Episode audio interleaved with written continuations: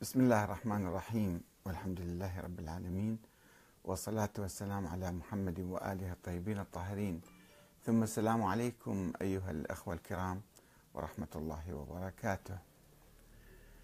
هناك موضوع آه، غامض ومثير وحساس جدا وتكثر الأقوال فيه وهو آه، سؤال هل أصدر السيد السيستاني فتوى بوجوب مقاومة الاحتلال الأمريكي للعراق أم لم يصدر ذلك. وإذا كان قد أصدر هذه الفتوى فلماذا سكت عن الاحتلال بعد وقوعه ولم يدعو إلى رحيل القوات الأمريكية؟ لماذا لم يعلن المقاومة العسكرية؟ لماذا لم يصدر فتوى بالجهاد كما أصدر مثلا قائد ثورة العشرين الميرزا محمد تقي الشيرازي. هذا الموضوع يعني يدور فيه جدل كثير في الحقيقة. وأنا في محاضرة سابقة قلت أنه أصدر هذه الفتوى وأنا سمعتها بإذني أثناء العدوان الأمريكي على العراق. آه، جاء السيد آه، عدنان البكاء وألقى كلمة باسم المراجع الأربعة وليس باسم السيستاني فقط. وقال أنه يوجب مقاومة المحتل. ولكن السؤال بقى يدور أنه هل أصدر فعلا؟ لم يصدر. ما في إشارة لهذه الفتوى آه، يعني كثيرا في الإعلام المرجعية أو الحوزوي. وهي نقطة خلت بعض الناس ال ال يعني الانتهازيين أو الأعداء أن يخوضوا فيها أنه السيد مثلا كان مثلا قابض فلوس لا سمح الله من أمريكا 200 مليون دولار أو أنه متعاون معهم أو أنه عميل. اتهامات جوفاء. اتهامات جوفاء. لأن أنا بنفسي سمعت أن السيد أصدر هذه الفتوى. وهناك تقرير من آه، الجزيرة قناة الجزيرة في سنة 2004 عاملين هذا التقرير بعد سقوط صدام يعني. عملوا هذا التقرير وجابوا نص الفتوى وتوقيع ختم السيد السيستاني واسمه أنه هو مؤيد لهذه الفتوى. نص الفتوى جابوها وعرضوها بالتلفزيون. وعملوا تحقيق أيضا مع السيد كاظم آه، آه، السيد عدنان البكاء وقال نعم أنا قرأت هذه الفتوى والحكومة طلبت من السيد أن يبدي رأيه في بذلك فافتى لهم والمراجع كلهم قالوا هذا شيء آه، وجوب الدفاع عن البلد المسلم. وعملوا أيضا مقابلات مع السيد حسين الصدر ومع آه، السيد محمد الخرسان. أنه هاي الفتوى كانت تقية مثلا تحت الضغط. كيف أصدر هذه الفتوى؟ قال لا ليس ضغطا. ما كان في أي ضغط ولا كان في أي إرهاب للحكومة. سألوه وأجاب. فهذا موقف تاريخي يجب أن يظهر. مع الأسف الإعلام الحوزوي إعلام حتى السيستاني آه، آه، إعلام جهازها أقصد مقصر في تبيان هذه الحقيقة. أنه والتأكيد عليها أنه السيد هذه فتوى تاريخية. يعني كيف مثلا عندما غزت القوات البريطانية آه، العراق في الحرب العالمية الأولى العلماء كلهم هبوا للدفاع عن البلد دفاعا عن الدولة العثمانية باعتبارها دولة مسلمة. وهذول دولة كافرة جايين يحتلون بلد مسلم. فلا يجوز السكوت على ذلك. حملوا كلهم حملوا السلاح وراحوا يقاتلون في الشعيبه وبالبصرة وبالفاو بمناطق أخرى. وهذا مسجل بالتاريخ فما يستطيع أحد ينكر ذلك. ولكن في موضوع السيد السيستاني وموضوع المرجعية موقف المرجعية من الاحتلال هذه نقطة غامضة. وأيضا أتذكر أن الاشاعات تجي كثير يعني حقيقة وتشوه سمعه المرجعية. في يوم من الأيام اتصل بي مدير قناة آه، المستقلة سنة 2004 أثناء المعركة اللي كانت بالنجف بين جيش المهدي أو سيد الصدر سيد مقتدى الصدر والاحتلال الأمريكي أيام حكومة علاوي اذا تتذكرون وقال لي بأن هناك فتوى من السيستاني والمراجع الأربعة اجتمعوا وقرروا حرمة القتال قتال القوات الأمريكية. وتعال تفضل للإذاعة آه، وأعطينا رأيك أو علق على الموضوع. قلت له طيب. وأنا ذهبت إلى الأنترنت ذيك الأيام وفتشت عن هالموضوع. شفت؟ لا بالعكس. في نفي من حامد الخفاف اللي هو ممثل السيد السيستاني في بيروت ينفي هذه الفتوى أصلا. لا في اجتماع ولا في هكذا فتوى بحرمة مقاتلة الأمريكان. ورحت للتلفزيون جلست هو أخذ راحته هذا حامد الهاشمي. آه قال آه أنه إيه الشيعه كذا وتاريخهم كذا وابن العلقمي وصار يتكلم. يتكلم يتكلم يتكلم. أنا ساكت. عندما جاء دوري فقلت له أصلا هذا أنت قاعد تبني كل كلامك على شيء ما موجود. آه، لا هناك اجتماع بين العلماء ولا هناك فتوى صادرة بتحريم العمل العسكري أو المقاومة. فهو فوجئ كأنه ألقم حجرا يعني. قال لا موجودة في البي بي سي كذا. روح شوف راح سكرت البث. وضع دعاية. أغلق البرنامج وراح شاف بالبي بي سي تأكد ما في أثر. يمكن إشاعة كانت بي بي سي يعني نشروها ثم سحبوها بسرعة. أه وإجا قال ها صحيح كذا صار يلف ويدور. فالمهم جدا يعني إن واحد في مواقف أه بطولية أو مواقف يعني تاريخية و لا ما توجد مواقف سلبية مثلا تحريم العمل العسكري أو المقاومة العسكرية. هذا شيء مهم جدا. ما يجوز يثبت أن السيد السيستاني أفتى بتحريم المقاومة أو أفتى ب لم يفتي بمقاومة الاحتلال. هذا شيء مهم. وأنا نشرت التقرير الجزيرة اليوم حول هالموضوع مقابلاتهم مع عدنان البكاء وحسين الصدر والسيد الخرسان. أنه نعم هذه الفتوى صادرة وطبيعية وعادية ولكن السؤال الآخر السؤال الآخر أنه لماذا لم يصدر السيد السيستاني بعد وقوع الاحتلال؟ لماذا لم يدعو إلى رحيل الاحتلال أو إلى آه، مقاومته؟ لماذا لم يصدر فتوى بوجوب مقاومة الاحتلال؟ أنه الآن وقع الاحتلال. نعم هو أصدر فتوى عندما جاء المحتلون إلى العراق. ولكن بعد ذلك سكت لم يتكلم. واتجه نحو إقامة النظام الديمقراطي. وأنا كان عندي تحليل سابق كم مرة تحدثت في هذا وقلت أنه الآن وقع الاحتلال. وإذا يدعو إلى المقاومة آه، يمكن آه، وتخرج القوات الأمريكية. سوف ماذا يصبح يحدث في العراق؟ آه، المنظمات المقاتلة المقاومة سوف تتقاتل فيما بينها كما حدث في أفغانستان عندما خرج السوفيت من أفغانستان وإذا المجاهدين يوميا عاملين انقلاب.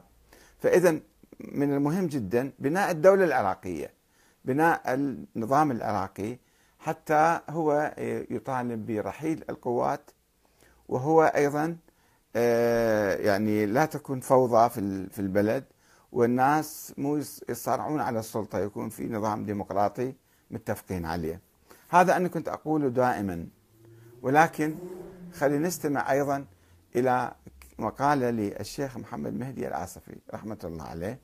عنده موقف يتحدث عن هالموضوع مقالة منشورة له وأنا هي مو طويلة جدا. موقف المرجعية الدينية من الاحتلال. فشوفوا أنتم هذه يعني كافية. التبريرات اللي يجيبها كافية ولا لا؟ يبقى السؤال أنه لماذا لم يصدر؟ وهنا هل أصاب السيد السيستاني أم أخطأ؟ هذا سؤال طبيعي يعني مو لأنه مرجع مقدس. كذا يجب أن نغض عن الأخطاء. إذا كانت هناك أخطاء إذا كانت إيجابيات يجب أن نقولها بإيجابية بإحترام. بدون يعني تحيز. وإذا كانت هناك نقطة آه، يعني في ذهننا سلبية أو خاطئة نطرحها أيضا. وإذا كان فيها جواب نستمع الجواب. ونتمنى أيضا نستمع شيء من مكتب السيستاني أو من من عند نفسه. الشيخ محمد مهدي الآصفي يقول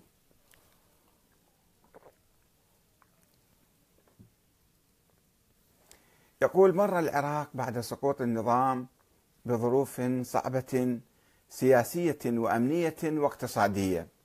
يعني والناس ما كانوا مستعدين أن يسمعوا فتوى ذيك الأيام. يسمعوا فتوى بوجوب المقاومة بعد سقوط صدام لأنه كان في جو عام. صحيح في شباب وفي منظمات وفي كذا. يمكن الجو العام ما كان مهيئ للاستماع إليه. ولكن بالتالي كموقف تاريخي أنه واحد يقول الاحتلال يجب أن يذهب. هل قال هذه الكلمة أو لم يقلها؟ وكان الأمريكان قد دخلوا العراق بآليات عسكرية كثيرة ومتطورة.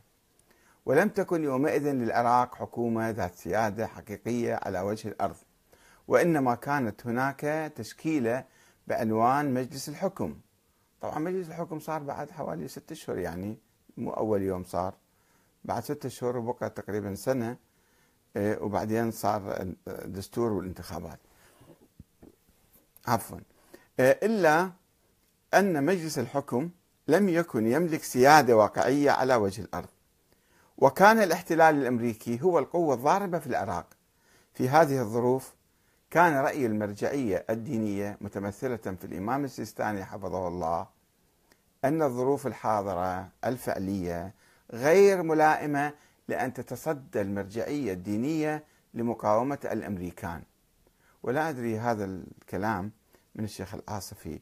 من عنده أو ماخذه من السيستاني يعني سامعه من السيستاني. هو دي يقول دي يبرر أو دي يحلل.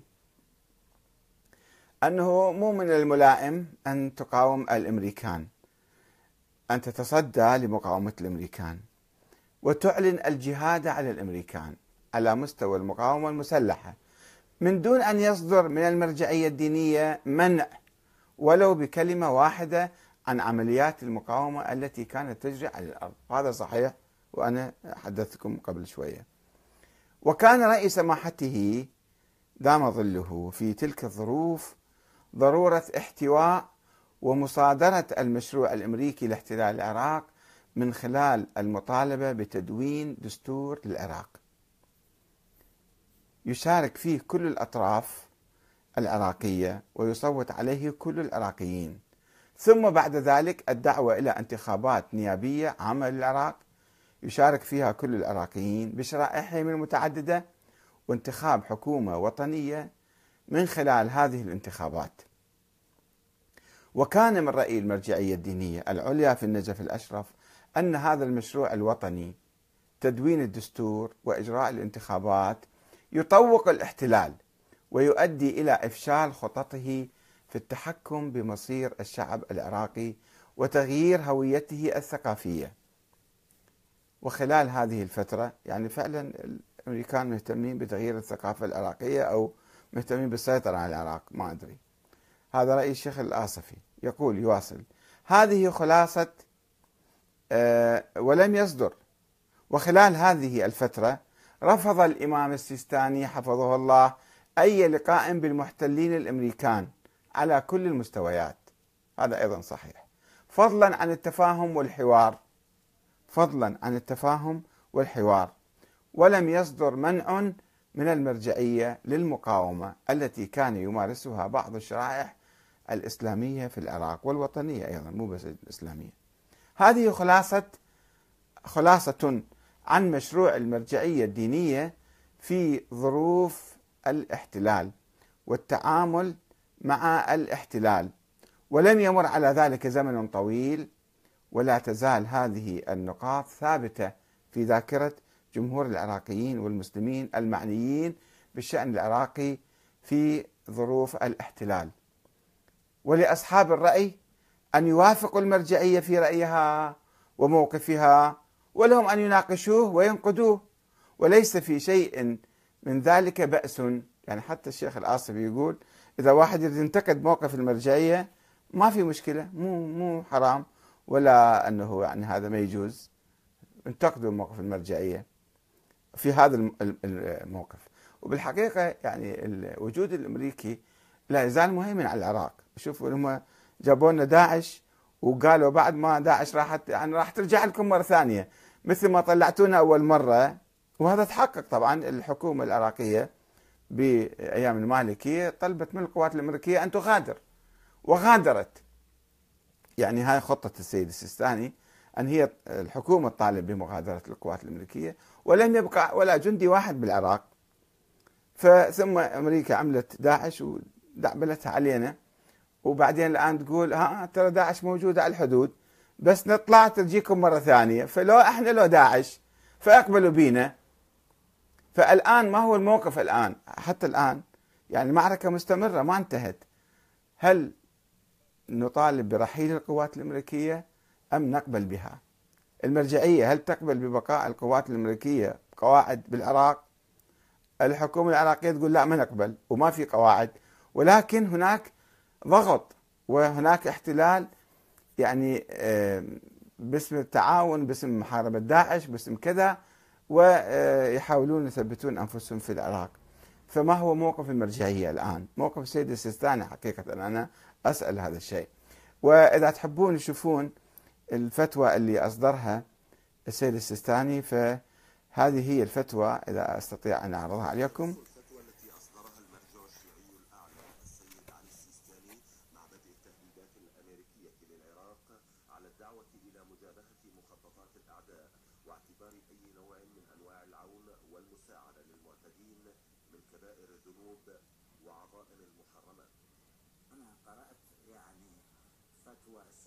الثاني التي يعني يستنكر فيها آه، العدوان الأمريكي والتحدث بالعدوان ويطلب من المسلمين أن يقفوا خلف العراق المسلم.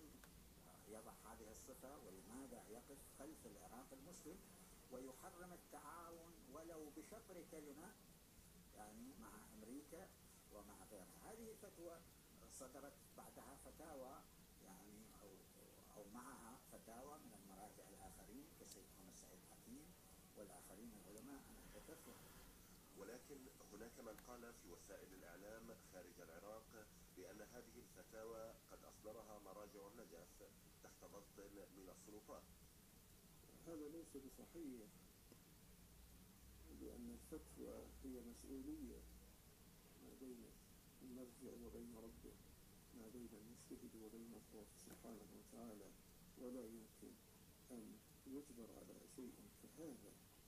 لا أنا أخشى صريحة أنا ما عني أنا خلي حاجتك أنا باب قبل قبل بالحياة بعد. لا أخشى ولا إلا هو جل القدرة. وين الضغط الموجود؟ طلبوا منهم أن يكتبوا شيئا هذا الذي رآه. هذا ما وصل إليه مبلغ علمه. هذول المراجع الكبار حتى تسألهم شنو؟ تحت الضوء؟ المقصود بها شنو؟ يعني قالوا لهم أنتم غصبا عليكم تكتبوا هالشكل. أي مسلم هو يقبل أن يطب الانسان هنا اذا فهذه هي فتوى السيستاني وتوقيعه والشهود الذين كانوا موجودين والذين قرأوا الفتوى كلهم موجودين أيضا. ولكن يبقى الإعلام مقصر في الحقيقة في تبيان الموضوع. وهناك أسئلة أخرى. والمشكلة أنه ربما ما في تواصل بين المرجعية والقوى الوطنية المختلفة أنه في آه، اتخاذ أي موقف. المفروض يكون في المرجعية مجلس شورى من قادة البلد من زعماء البلد من رؤساء العشائر رؤساء الأحزاب من يعني العلماء الآخرين في اتخاذ أي موقف أو عدم اتخاذ أي موقف. يعني ما يجوز المرجع يحاصر أو يختطف أو يقعد ببيته وحده وأي موقف اللي مثلا يملى عليه أو هو يتخذه قد يكون خاطئ. فلماذا نقع نحن في اتخاذ المواقف الخاطئة؟ آه، إذا مثلا آه، ما استخدمنا الشورى. المفروض المراجع يكونون أول الناس يستخدمون آه، الشورى ويشاورون الشعب أنه ما رأيكم؟ ماذا نفعل؟ مو فقط أنه والله أنا هذا رأيي وخلاص أو أنا أسكت وما عليكم بي أو أنا ما أقول لا تقاوموا. يعني في وقت اللي كان الناس ينتظرون إعلان المقاومة من المراجع بعد وقوع الاحتلال أيضا. وهذا حقيقه يعني أنه مو فقط أنه كيفكم تقاومون أو ما تقاومون أنا ما علي. لا المفروض المرجع عنده موقف. فلماذا لم يتخذ هذا الموقف؟ السيد السيستاني والمراجع الآخرون. لماذا صمتوا بعد وقوع الاحتلال وتركوا الأمور؟ هسه هم يمكن مثل ما سمعنا الشيخ الآصفي عندهم نظرية. أنه والله خلينا نبني البلد أول شيء ولكن هذا يوقعنا في مشكلة أخرى أنه آه، لو كانوا مثلا متخذين موقف ولو كلام ولو بالكلام أنه يجب مقاومة المحتل وخليه يقعد المرجع في بيته من يسوي له شيء؟ ما حد ما راح يمسه بسوء. ويجب أن يرحل ويجب أن تقام. مثل ما قال يجب أن آه، أن يوضع الدستور ويكتب بأيد عراقية. كان مفروض أنه يقول أيضا يجب أن يخرج المحتل من أول يوم وما نقبل بالاحتلال وهذا احتلال. يعني في البداية الأمريكان قالوا نحن جئنا محررين لا فاتحين ولكن بعد ما سيطروا على العراق أعلنوا الاحتلال. قالوا إحنا نحتل العراق. وهنا كان مفروض من علمائنا الكبار أن يتخذوا موقف أنه نحن نرفض هذا الاحتلال وندعو إلى مقاومته. بأي أي إنسان بكيفه بقدرته خليه يقاوم. طبعا ذيك الأيام الشعب ما كان بيده سلاح إلا بيد البعثيين وأتباع النظام. شعب مجرد عن السلاح وينتظر التغيير ينتظر الحرية. ولكن هذا موقف أيضا تاريخي. وننتظر توضيح أو بيان أيضا من مكاتب العلماء الأعلام. والسلام عليكم ورحمة الله وبركاته.